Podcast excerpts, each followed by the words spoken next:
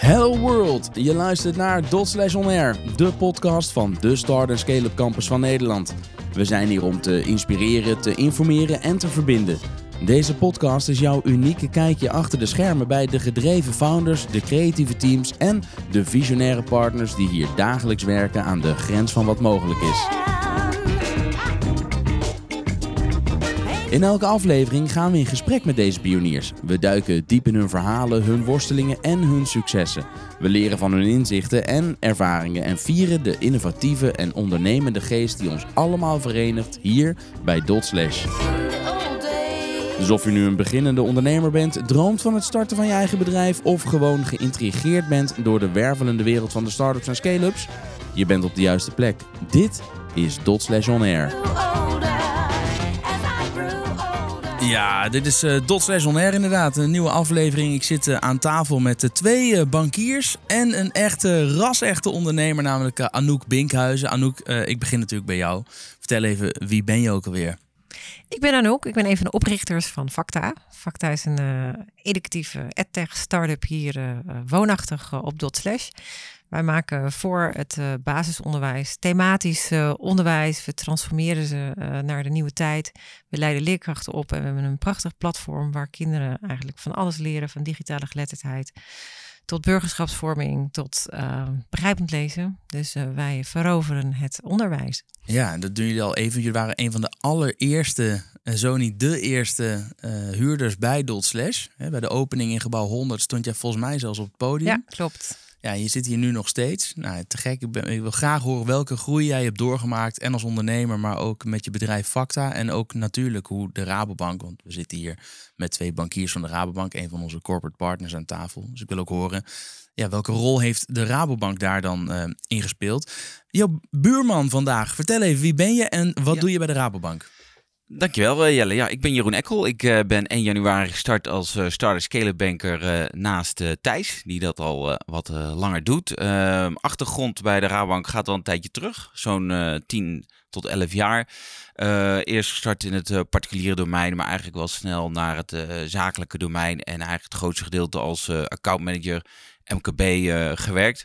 En ja, vorig jaar is Lotte natuurlijk gestopt. En eh, ja, Thijs had gehoopt, nou ja, misschien een vrouwelijke aanvulling, maar ja, hij moet het bij mij doen. Dus ik ben 1 januari eh, het team in eh, Utrecht komen versterken, Jelle. Ja, ja, Lotte Evenaren. Dat is, eh, ga er maar aan staan. Maar volgens ja. mij gaat het heel goed zo far. So far so good. Ja, Eh, we goed. doen twee regio's, eh, hè, Utrecht en Gelderland-Zuid. En eh, nou ja, dat tot nu toe eh, ja, gaat hartstikke goed en eh, is het leuk. Ja, ik kijk opzij. Ja. Naast mij zit eh, Thijs Reiling. Thijs, ehm, eh, werd net al gezegd, een start-up scale-up banker. Ja. En vertel even wie je zelf bent, maar ook even, wat is een start-up scale-up banker? Ja, eh, goeie, ja dat, die vraag horen we inderdaad vaker. Dus, eh, samen met Jeroen eh, zijn we de twee starter scale bankers voor deze regio. Jeroen zegt, Thijs doe dat al wat langer. Ik doe het maar liefst twee jaar inmiddels inderdaad. Het valt ook wel mee. We zijn een relatief jong team, kun, kun je dus wel zeggen. Ehm, en wat wij doen, eh, dat moet, moet je een beetje in de achtergrond zien van ons team. Dat we, we zijn met een landelijk team eigenlijk, met eh 15 starter scale bankers. Eh, waarbij we vanuit dat landelijk team regionaal actief zijn. Dus Jeroen en ik zijn regionaal actief in de regio Utrecht. Waarbij wij proberen ja, de dienstverlening van de Rabo, die best breed is, beter te laten aansluiten op die hele specifieke doelgroep start- en scale-ups. De, de innovatieve bedrijven, de, de schaalbare bedrijven, die, die zorgen voor innovatie. En, en, en ook, ook voor de trans, ja, transities die moeten plaatsvinden in, eh, in, in, in, ja, ook, ook in Nederland, maar op bepaalde thema's. Waarbij we op die manier ja, wat supportive op willen zijn als Rabobank. En daar een speciaal team voor hebben opgericht om dat nog beter te kunnen doen. Ja, dat is eh, nou, nou, typisch de doelgroep van een bank. Hè? Bedrijven die nog geen geld verdienen, eh, nog, eh, nog relatief weinig waard zijn eigenlijk. Of dat nog niet helemaal eh, hard kunnen maken.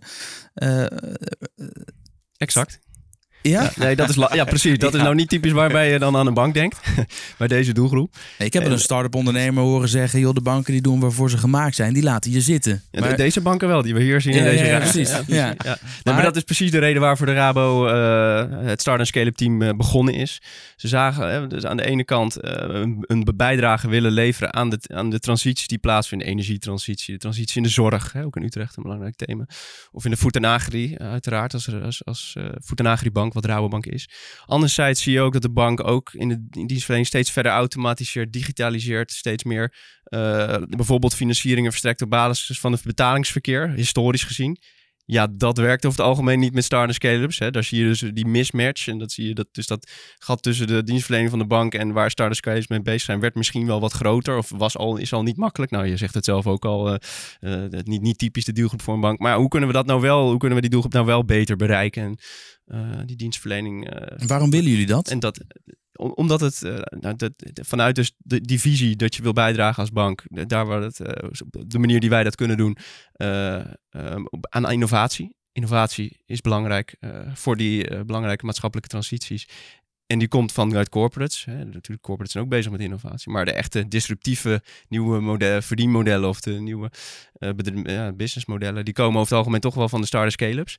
Dus ja, als je daar als bank uh, supportive op wil zijn, dan, uh, dan moet je bij die doelgroep er ook voor zijn.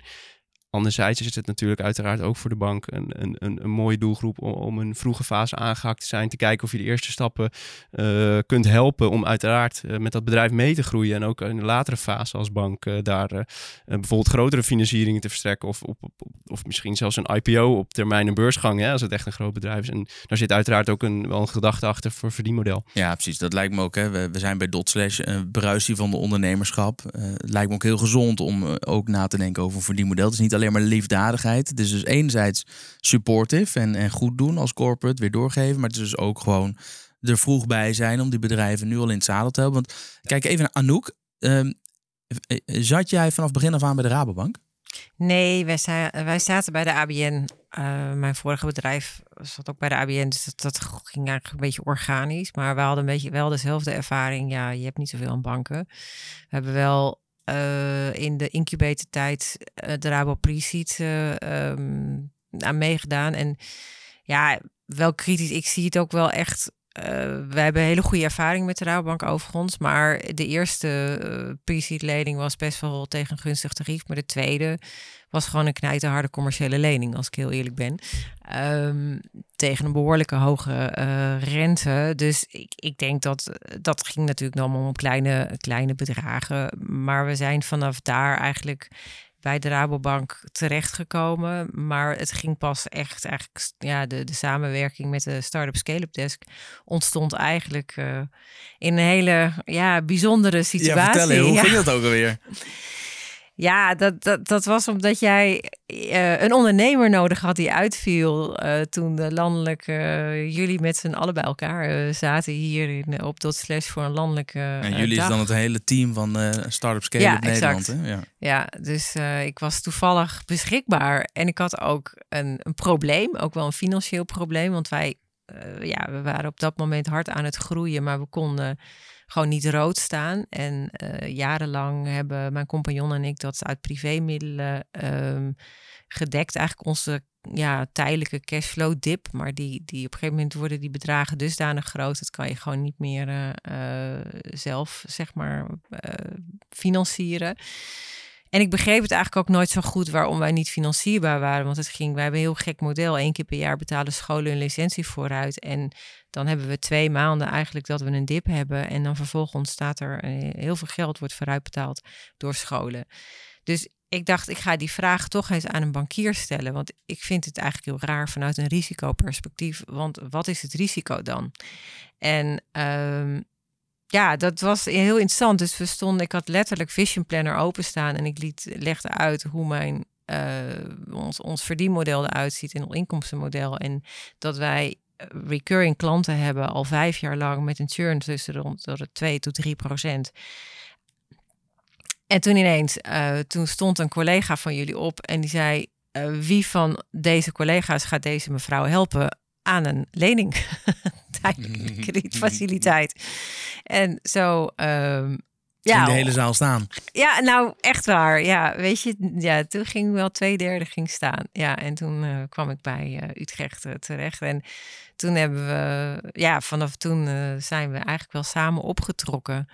Um, en ja, dat werkt eigenlijk heel erg goed samen. En toen ben je dus overgegaan ook met alle eh, ja, met toen hebben, ja, de ABN AMRO, daar konden we überhaupt eh, gewoon niet terecht. Hadden we niet eens een contactpersoon. Dus dat was ook echt eh, verschrikkelijk eh, in die fase. En toen we eenmaal eh, ja, bij de Rabobank terechtkwamen bij de Startup Scale-up Bank, die ook eigenlijk snappen hoe eh, startups en scale-ups groeien, hoe je, ja, hoe je bedrijf financiert, hoe de kost voor de baat uitgaat.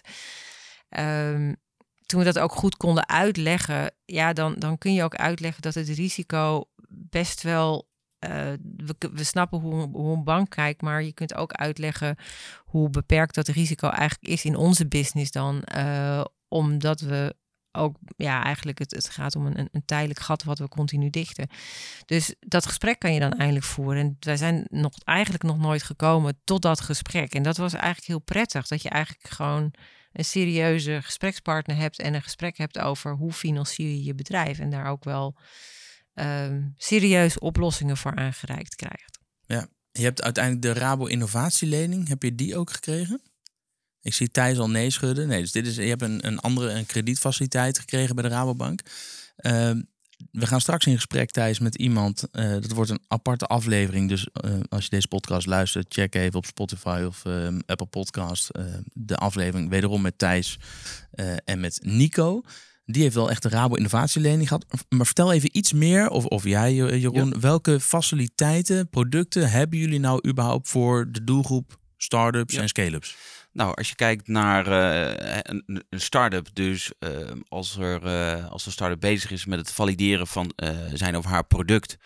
En eh, dat gelukt is, maar nog niet op de markt is, of net op de markt is met een bepaalde pilot omzet, dan kunnen we daar een Rabobank innovatielening eh, voor eh, aanwenden.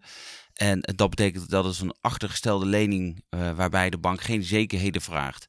En die, die de eerste twee jaar aflossingsvrij is. Dus Ja. dat geeft die start-up ook wel ruimte in zijn of haar cashflow om eh, hè, te, eh, ja, die, die groei te maken. En eh, hè, dus dat is echt voor, voor de start-up fase. Dat is hè, de, de fase dat ze ja, eh, echt nog die, die markt mo- moeten opgaan. Ja, ze hebben een idee en moeten nog kijken of daar een markt voor is. Even, even heel kort, want je zei dat is Ja. een achtergestelde lening. We, we, hebben luisteraars ook bij Dot Seizonair die wellicht nog helemaal in die early stage fase zitten. Dus er komen af en toe, je had het net over churn, wil ik ook nog horen. En er zijn van die termen af en toe die er voor ons heel gewoon zijn, die we er tussendoor denderen. Eh, die voor de luisteraar of voor de lezer van het magazine misschien nog niet zo bekend zijn. Eh, Even kort, Ja. wat is nou een achtergestelde lening? Nou, een achtergestelde lening is een lening die achtergesteld op, op andere eh schuldheiders. Hè. Mocht dat verkeerd gaan, dan, eh, nou ja, dan staat de Rabobank dan niet als eerste in de rij om dan die dergelijke lening op te eisen. Hè, dus die is dan achtergesteld, zoals we dat noemen. Een, een gewone lening die we verstrekken bankair is niet, daarin niet achtergesteld. Dus dat is ook eh, de positie van de bank wordt daarin eh, aangegeven als het ware. Ehm, en dat is denk ik eh, het belangrijkste wat, je, wat daar achtergesteld aan is. Dus als het fout gaat, dan is de bank daar niet nou ja, nummer één als het gaat om, om, om de uitwending, maar zal dan een andere positie innemen. Ehm, Moet je dan wel privé meetekenen als je zo'n zo'n Rabo innovatielening Nee. afsluit? Nee. Oké, dus je Nee. bent ook niet meteen je huis kwijt als het misgaat. Nee, nee, niet dat als je het op een andere manier doet dat dat wel het geval is. Eh, want dat blijft natuurlijk altijd wel maatwerk. eh, hoe we een dergelijke financiering in een scale-up fase eh, inrichten. Maar zoals ik al zei, het is achtergesteld en er worden geen zekerheden gevraagd. En een, een vaste periode met een vaste rente. Zo moet je eigenlijk deze type financiering zien. Ik, ik, ik hoor ook meteen, dit is een fase met veel risico. Dan denk ik ook meteen, nou dan zal die rente wel mega hoog zijn. Nou, die is 10% op dit moment. Die was vorig jaar 7,5%. Dus die is best wel eh, in die zin wel, eh, wel fors. Maar goed, de rentes, ja, je ziet wel de afgelopen anderhalf jaar de rentes, hoe die zich ontwikkeld hebben. Hij is Ehm, gekoppeld aan Euribor, toch? Als ik me niet, eh, als ik me niet ja, dus, dus je ziet gewoon dat die funding, de, de funding, hè, dus de, de inkoop, verkoop van geld, dat dat gewoon ja, dat dat is gestegen. En dat zie je, dat, ja, dat, dat rekenen we door in het uiteindelijke klanttarief. Ja. Andere, dus de Rabo innovatielening. Als je nou net iets verder bent, maar nog steeds wel in die start-up fase. Waarvoor kan ik dan bij de bank terecht? Bij Kijk, de Rabobank. Ja, nee, dat is, dat is een hele goede vraag. Kijk, wij eh, hebben een paar fases. Eh, als je kijkt naar producten, hebben we hè, dan die Rabobank innovatielening. En dan iets verder in het traject, als je echt ook wel eh, die recurrent revenues hebt, dan praten wij over een scale-up financiering. En daartussen is het best wel lastig om bankair gefinancierd te worden. Even afhankelijk wat voor type bedrijf je bent. Maar daar hebben wij wel andere oplossingen voor. Niet zozeer financieringsoplossingen, bijvoorbeeld Money Meets IDs. Dat we wel proberen om met ons uh, netwerk uh, te kijken of we die ondernemers kunnen koppelen aan een, een, een investeerder of uh, een, een, partij die dan wel kan instappen. Want uiteindelijk is het zo dat je bij een scale-up financiering ook wel binnen een afzienbare periode ja, je rente en aflossing moet kunnen betalen. Uh, dus uh, de fases tussen uh, start en scale-up, die is best wel lastig te financieren. Alleen kijken we wel binnen ons netwerk, oké, okay, wat hoe kunnen we dat anders oplossen? Ja. Nou, daar zou bijvoorbeeld Money Meets IDs, wat georganiseerd wordt door K plus V, wellicht bekend bij, bij de luisteraars en jij, wordt dat dan georganiseerd. Ja, en dat is wel mooi dat jullie hebben natuurlijk heel veel uh, klanten, vermogende klanten, die het ook leuk vinden om weer wat terug te doen. Of als angel investor, als, ja. als particuliere investeerder in te stappen bij een start-up. En die K plus V uh, samen met jullie brengt die mensen bij elkaar. Hè, zodat start-ups kunnen pitchen voor een zaal vol met angel investors. Exact. Thijs en ik kijken eigenlijk van, goh, wat voor een uh, partij hebben we dan uh, voor ons? Is dit een, een, een ja, een start scale-up die daar zou passen? En dan oh, geven we die lead als het ware door aan K plus V, die dan ook de intake doet en de organisatie en de mensen bij elkaar brengt. Ja. Dus zo is die samenwerking. En ook als we even helemaal teruggaan naar het begin van Facta. Je had een idee, een droom. Hoe ben jij toen begonnen en hoe heb je dat financieel geregeld? Nou, wij hebben ook meegedaan aan uh, Money Meet uh, ID's. Dus uh, ja, we hebben echt veel. Ik heb veel, veel gepitcht. Ook door allerlei ook andere banken die dergelijke initiatieven uh, organiseerden. Uh, ja, ik, denk grotendeels hebben mijn compagnie ook een, hadden wel een, behoorlijke reserve. Dus we hebben veel privévermogen in het bedrijf zitten. Um, dat scheelde wel, dus we konden ook in ieder geval een jaar, anderhalf jaar en uiteindelijk is dat vier geworden zonder eigen inkomen eigenlijk ehm, ja, starten. Dat helpt enorm, want daarmee heb je dus niet die hete adem van ik moet uh, volgende week me, kan mijn boodschappen niet meer uh, betalen. mijn, vorige, mijn compagnon had, een, had, al een bedrijf en ik heb zelf jarenlang ook als, als ondernemer gewerkt. Dus we hadden gewoon reserves. Dus dat, dat, dat is gewoon, dat zou ik iedereen ook aanraden om op die manier te starten. Um, daarnaast zijn we altijd heel erg uh, zuinig geweest met geld. En ook we hebben, denk als ik terugkijk, altijd wel heel slim zijn we met geld en creatief met geld omgegaan. Geef eens wat tips aan ondernemers die luisteren. Want uh, creatief met geld omgaan, zuinig doen. Maar hoe vertaalt zich dat naar de praktijk? Nou, bijvoorbeeld, um, ja, we hebben bijvoorbeeld nog no tot op heden al zouden we dat wel kunnen, niet echt. we zitten op dot slash, mooie hippe locatie. Maar als je in ons kantoor komt, dat is allemaal uh, something borrowed, something old, something, something new. Um, maar er is eigenlijk geen euro bijvoorbeeld aan ja, een paar nieuwe IKEA-bureaus bijvoorbeeld uh, gegaan. Maar, ja, maar dan wel IKEA en niet. Uh, ja, dus dat is ja, uh, leasebeleid, autobeleid. We hebben nu we komen in een fase waarin sommige medewerkers gewoon eisen hebben. En we proberen wel iedereen uit te leggen, jongens. Weet je, een, een huishoudboekje van een bedrijf werkt als bij thuis. Je wil niet een stukje jaar of een stukje maand over hebben. Dus, um, nou, en je eigenlijk je personeel die niet ja, finance driven is eigenlijk, daar toch in meenemen. Dat helpt enorm, waardoor we nu wel een bepaalde mindset hebben gecreëerd dat iedereen eigenlijk onbewust wel vaak bezig is met bepaalde besparingen op zijn op haar manier. En dat hebben we eigenlijk al vanaf het begin af aan gedaan, wij eigenlijk als founders. Um, en met name in coronatijd toen, we, uh, toen onze eigen uh, investeerders uh, ons niet meer hielpen met funden, omdat ze het een groot risico vonden en ehm, bang waren dat we het niet zouden redden. heb ik met de toenmalige ja, eigenlijk business controller gezegd, ja, we moeten het zeg maar rond zien te krijgen het jaar. En Ja, dan word je gewoon heel creatief. Uh, bepaalde posten kun je niet op besparen. Maar uh, zoals bijvoorbeeld huisvesting gaat natuurlijk wel door. Maar goed, ook Doodslash heeft ons uh, daarin een stukje geholpen.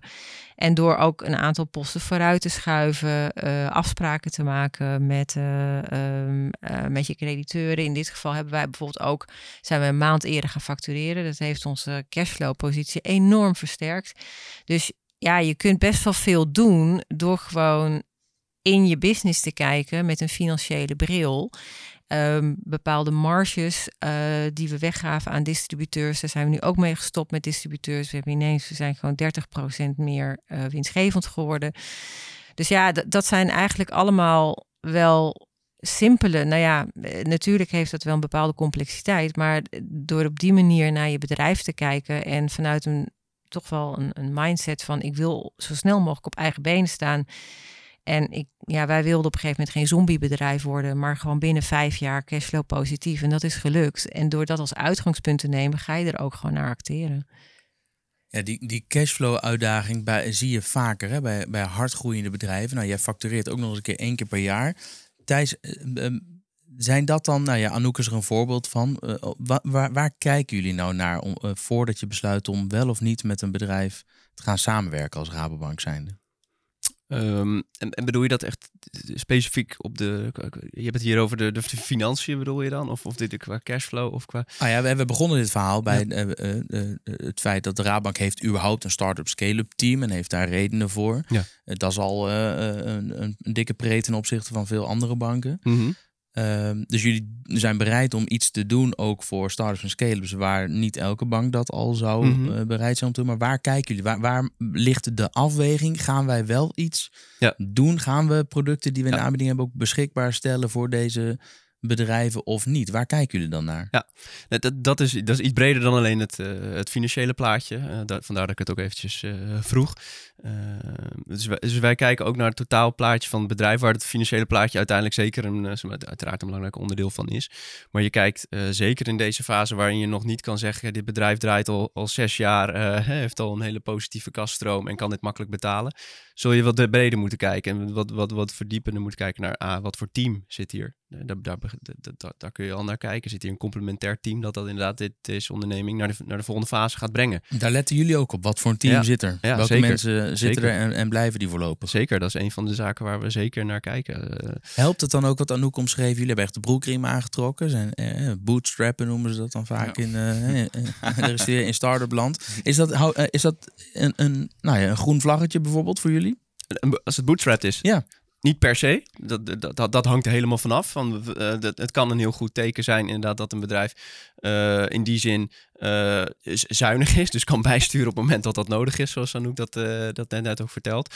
Of, hè, of inderdaad nog alle aandelen zelf van het bedrijf in bezit heeft, wat ook positief kan zijn voor de volgende fundingrondes. Nu wordt het misschien wat technisch, maar... Um, dus maar dat, leg eens uit als je wil. Um, wat, je, wat, je, wat je vaak ziet, of dat, dat stereotype ziet bij start-up scale-up, is dat ze door verschillende fundingrondes heen gaan op het moment dat je echt, echt hard wil groeien. Um, je, hebt, je, hoort vaak de, de, de pre-seed, seed, Series A, Series B, Series C, et cetera. Wat het precies ja, ja. is. Ik ga het niet allemaal uitleggen. Komen we een andere keer nog wel op terug. ik ga het ook niet helemaal uitleggen, want er is ook geen zwarte... Volgens mij is er niet een, een precieze definitie per ronde. Maar, uh, en, wat, en, en wat je... Uh, wat daarin vanuit investeerders vaak belangrijk is, is dat de founders, de ondernemers, degene die het bedrijf naar het volgende niveau moeten tillen, daar nog wel uh, voldoende aandelen ook in het bedrijf hebben. A als financiële prikkel, B als commitment.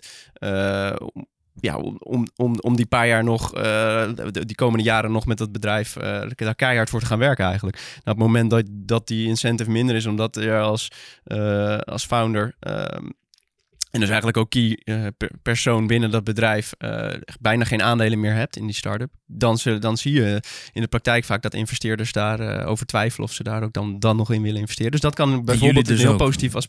En dat kan voor ons inderdaad ook. Wij zijn dan geen investeerder, dus wij zitten zelf niet op die aandelen. Maar wij zien dat, ja, wij, dat, kun je, dat kun je zeker meenemen in de kans van slagen van een start-up om de volgende groeifase door te maken, om de volgende uh, investering op te halen bij investeerders. Ja, zeker. Daar, ook, ook daar kijken wij bijvoorbeeld naar. Dus het, zijn, het, het is niet alleen, het, het is een totaal plaatje waar je naar kijkt van het team, het businessmodel, zit er inderdaad het juiste verdienmodel, kunnen ze dat, heb je, hebben ze die bewijslast ook dat dat verdienmodel er is, waarbij wij ook wel snappen dat op het moment dat je groeit, dat de kosten voor de baat uitgaan. Dus probeer daar ook, kunnen we daar doorheen kijken en inderdaad wel al dat, dat verdienmodel aantonen. Ook al zie je dat misschien nog niet op de jaarrekening onderaan de streep. Zitten er, uh, zitten er investeerders in? Welke, wat voor investeerders zijn dat dan precies? Zijn dat investeerders die bijvoorbeeld ook die markt kennen, waardoor, je, waardoor wij ook daar vertrouwen uit kunnen halen dat, dat, uh, dat, dat die partijen daar ook uh, ingestapt zijn en geld ingestopt hebben, ook met, met een bepaalde kennis. En misschien ook een bepaald netwerk om het bedrijf verder te helpen. Uh, duurzaamheid speelt bij ons een rol, bijvoorbeeld in afweging. Dus het, het, is breed, en, dus het, is, maar het is breder dan alleen maar het financiële plaatje, maar dat is wel belangrijk. Want je blijft als bank uiteindelijk een financier die wel kijkt, kan een bedrijf dit betalen, deze financiering? En ook in gunstige tijden, maar ook iets minder gunstige tijden. Dus een bedrijf moet uiteraard ook tegen een stootje kunnen. Uh, en het terug kunnen betalen. Dat, dat, dat, daar kijken wij uiteraard naar als bank. En daar worden we ook geacht als bank om naar te kijken vanuit uh, ja, de, de toezichthouder of de maatschappij. Maar ja, dat is, dus, dus het is een breed. Uh, Anouk, je hebt op een gegeven moment een, een kredietfaciliteit gekregen om, nou, die, wat was het, twee maanden door te kunnen komen voordat dat schip met geld één keer per jaar weer ja. de haven binnenvaart. Wat heeft um, het feit dat je bij de Rabobank iets hebt kunnen doen voor je bedrijf betekend? Ja, dat was echt. Uh, nou, ik denk dat ten eerste heeft het ook uh, een hoop slapeloze nachten van Wouter en mij opgelost. Want het is altijd de meest cruciale periode. Bij ons is dat meestal dan droogt de kaststroom op in rond mei. En in juli, augustus komt het weer binnen. Dus dan denk je van hoe ga ik uh, mijn personeel betalen. Um, dus ja, het, het heeft in feite ons, uh, in, in die zin stel je eigenlijk je volgende milestone uh, zeker. En als je dat niet zeker hebt, dan ga je andere dingen doen. Dus uh, dan kun je bijvoorbeeld, ja, wij, ons zeg maar, wij hebben recruitmentklassen, die starten meestal in september. Dus als we nieuwe mensen aannemen, jaarlijks meestal tussen de vijf tot zeven mensen, ehm, die starten eigenlijk start schooljaar, want dan kunnen ze een heel schooljaar, we hebben dat is een beetje onze, onze cyclus ja, die, die werving start je in uh, maart op. Uh, als je niet weet dat je je funding rond hebt, dan kun je gewoon geen recruitment starten. Dat betekent dat je dus je groei stokt dan. Je volgende milestone om die te halen zonder die mensen. Wordt dan een stuk moeilijker. Dus in feite kom je in een neerwaartse spiraal terecht. Dat is eigenlijk dus op het moment dat wij dat gefixt hadden met, uh, en dat was, eh, we hadden op dat moment twee ton nodig. En het, overigens moet ik ook bij zeggen, dat is in een hele korte tijd gebeurd. In een ja, want als ik thuis zo hoor waar ze allemaal naar kijken, dan denk ik, nou, ga er maar aan staan. Dan ben je zo'n jaar verder. Maar ik wil je zeggen, hoe lang? Een maand? Ja, een maand. We waren binnen een maand was het, stond geld op de rekening. Lag vast de kredietfaciliteiten. Daar konden we er gebruik van maken. Moesten we ook nog een nieuwe rekening uh, openen. Wat ook niet heel makkelijk is, uh, hebben ervaren met elkaar. Uh, dat kost ook doorlooptijd. Maar al met al is het wel gelukt. Dus en wat zijn we, is ook aan de uh, Rabo uh, Startup Scale-up Desk, zijn ze heel creatief geweest binnen hun eigen organisatie om toch bepaalde ja, hoepeltjes door te gaan, versneld. Wat, waarvan ik me wel kan voorstellen dat het best wel complex is in een zo'n grote logge, ja, toch wel corporate omgeving. Ja. Zijn er ook nu terugkijkend, um, het klinkt alsof het op het juiste moment kwam en of je er heel blij mee bent. Zijn het Um, zijn er ook negatieve dingen? Of zeggen van nou, ik zou, dat in, ik zou bepaalde dingen in het vervolg toch anders doen? Um... Nou, we hebben nu dit jaar hadden we ook wederom een behoorlijke cashflow uitdaging. Eenmalig was Je blijft dat. groeien. Ja, het, we bleef, nou, dit had te maken met het feit dat we dus uh, de distributeur gingen wegsnijden in ons businessmodel. Dus we gingen van een traditie van een uh, distributiemodel naar een direct sales model. En dat hield wel in dat we in plaats van dat onze distributeur ons jaarlijks een zak met geld gaf, dat we nu bij 500 scholen eh, moesten aankloppen om de factuur betaald te krijgen. Dus daar zat wel bepaald risico in, want dat hadden we nog nooit gedaan. Um, dus we hadden een aantal scenario's uitgewerkt met, uh, uh, met de banken ook. Alleen gegeven de, de, de omzet die wij hebben en de kredietbehoeften die we eenmalig nodig hadden, was dat een behoorlijke uitdaging. En toen kwamen we wel in het eh, op eh, in een in een, het was allemaal eh, mogelijk, want we kwamen ook in aanmerking voor eh, BMKR, geloof ik, BMKB, eh, denk ik. BMKB eh, eh, faciliteit. Alleen die rentes die waren dusdanig hoog. Dan hebben we het echt over 12,5 tot geloof ik 13 procent rente met een lening van, van meerdere jaren. Dat je dan als ondernemer denkt van ja, weet je, eh, welk probleem lossen we hiermee op en creëren we op niks. En voor, Ja. Dus dat is, ik denk niet dat aan de, aan de bankkant, kijk, die, je- ja, zit, dat zijn gewoon, dat- ik denk dat de bank heel creatief is geweest om wel ons een oplossing te bieden. Alleen het was een, een hele dure oplossing. Ehm, die we waarschijnlijk wel ook hadden geaccepteerd als, eh, want het was wel, het was wel eh, de weg naar, ehm, naar winst, naar, naar cashflow positiviteit. Ehm, Maar je hebt het niet gedaan, begrijp ik. maar we hebben het niet gedaan omdat toen de stratege op ons pad eh, kwam en ons een, een hele gunstige vriend, ja, wat wij noemen founder-friendly lening gaf. En de strateeg, dat is, Dat is Klet. ja, dat is eh, de, ja, de, de nieuwe investeerder. de nieuwe investeerder, ja. Waar je morgen mee gaat tekenen. Waar dus tegen de tijd dat mensen tekenen. deze podcast Ja. horen, dan staat die handtekening en eh, is het rond. Ja. Ehm, als er dan op een gegeven moment, eh, Jeroen, zo'n investeerder aan boord stapt, verandert dan, dan voor de bank nog iets in? Zeggen jullie dan juist yes of zeggen ah zonde? Want ah, dat, hoe werkt dat? Nou, vanuit uh, Startup Scale-up eh, perspectief, hè, als er een in- investeerder, eh, tussen aanhalingstekens strategisch investeerder instapt, vind ik zelf altijd wel een, eh, een positief eh, eh, signaal. Ehm, ook omdat daar veel kennis en met name ook netwerk achter zit. Dus het geeft die, die, die scale-up, eh, hè, in jullie geval dan ook de ruimte, de kennis om ook weer verder te groeien. En dat, dat, die milestones die je gezet hebt, om die verder te realiseren. Dus ehm, ja, over het algemeen positief als er een, een, een, professionele partij instapt. Eh, ja, je gaat wel een stukje verwateren waarschijnlijk. Ik, weet, ik ken de deal verder niet, maar ja, hè, dat, dat komt er wel bij.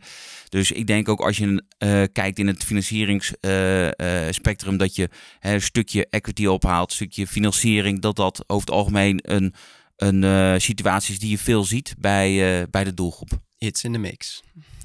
Ja, maar betekent dat ook dat je vanaf dat moment bijvoorbeeld ehm, juist weer ehm, sneller meer ehm, eh, zal gaan doen als bank mogelijk? Stel dat dan ook Ja. zegt, nou, we hebben die stratege aan boord. eh, biedt dat dan ook juist weer mogelijkheden of voor meer krediet? Hoe, hoe werkt dat? Nou, hoe het werkt is dat wij, wat Thijs had natuurlijk uitgelegd, waar kijken we naar? Hè? Dat was je vraag. Joh, waar kijkt de Rabobank naar als we eh, willen gaan financieren? Dan is dat een van de onderdelen. Wie zit er in de groep? Hè? Wie heeft een, een belang? En wie zijn dat dan?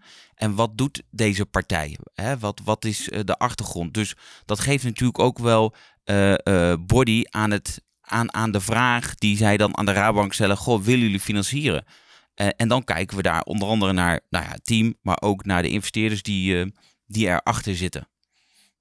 En kunnen zij, en dat is misschien niet onbelangrijk, eh, als je dus een bepaalde cashdip hebt in, in een periode, dan is dat niet de bank die dat dan eh, kan oplossen. Vaak zeggen we dan ook, ja, kijk, wij willen op, dat, hè, op, die, eh, op die groeipad willen we gaan financieren. Ehm, heb je een, een mogelijke cashdip, ja, dan is het altijd goed om een investeerder aan boord te halen die dat dan ook kan, eh, nou ja, kan oplossen of kan tackelen Ja, omdat wij daar vaak niet voor uitgegaan zijn om hele korte overbruggingen eh, te doen. Want je betaalt daarvoor. Eh, dat is eigenlijk, hè, als je het hebt kosten baten, niet interessant om dan de bank te vragen. Dat doen we ook niet. Het is vaak voor de wa- wat langere periode. Eh, en heb je een, een, een cashdip of zit je in de problemen, ja, dan is het ook heel erg fijn als je een sterke partner achter je hebt staan in de vorm van een investeerder. ter afsluiting, Anouk, we hebben nog jouw churn eh, te goed. Eh, neem ons nog even mee. Je had het over churn. Wat is churn? Churn is eigenlijk het eh, verlies wat je eh, als eigenlijk vanuit dat is een SaaS-term. Eigenlijk het, een, eh, dat het aantal abonnementen wat je per jaar, het percentage wat je verliest eigenlijk in je omzet.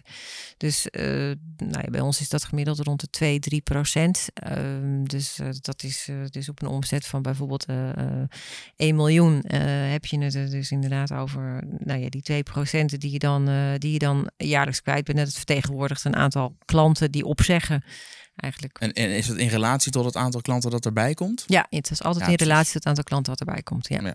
Oké, goed. Nog een, een nabrander, uitbrander, ben je nog iets vergeten te zeggen? Ben ik nog iets vergeten te vragen, Jeroen? Nee, nou leuk om even kennis gemaakt te hebben zo. voor de Zeker, eerste keer via ja. deze podcast. En eh, dank je voor de uitnodiging. Ja, Thijs, jij nog iets? Nee hoor Jelle, nee, je doet het Nee, goed. dan gaan- oh, dank je. Oh, wat fijn. Ja, heel goed. Oh man, ik ben heel zo blij mee. Ja, dankjewel. Nee, dan gaan wij eh, voor nu afsluiten. En eh, we gaan weer verder in gesprek in een andere aflevering. En dan gaat het iets meer over specifiek de Rabo Innovatielening. En dat gesprek zullen we voeren met Nico. Maar voor nu dank ik jullie Jeroen, Anouk en Thijs voor eh, jullie deelname aan deze podcast. Ja, dat is het dan voor deze aflevering van Dot On Air. We hopen dat je genoten hebt van dit gesprek en dat je wegloopt met nieuwe inzichten en inspiratie. Deze podcast werd mede mogelijk gemaakt door Dot Utrecht met mijzelf, Jelle Drijver, achter het roer van de productie. De muzikale magie die je hebt gehoord komt van Kitchen Collective. Check het hele album via de link in de show notes. Wil je geen enkele aflevering missen? Abonneer je dan vooral even op Dot On Air via Spotify, Apple Podcasts of je favoriete andere player. Een review op Apple Podcasts of een aanbeveling op de socials wordt enorm gewaardeerd. Daarmee help je ons om nog meer mensen te bereiken.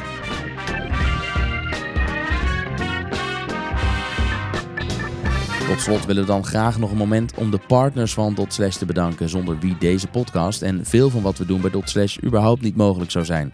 Daar komen ze in willekeurige volgorde. De Rabobank, Deloitte, Capgemini, Gemeente Utrecht, NL Groeit, Philadelphia Zorg, ROM Utrecht Region, SAV, Boron Management, Green Real Estate en Peper in je pand. Bedankt voor het luisteren en vergeet niet om in te tunen voor de volgende aflevering. Graag tot dan, tot de volgende Dot Slash On Air.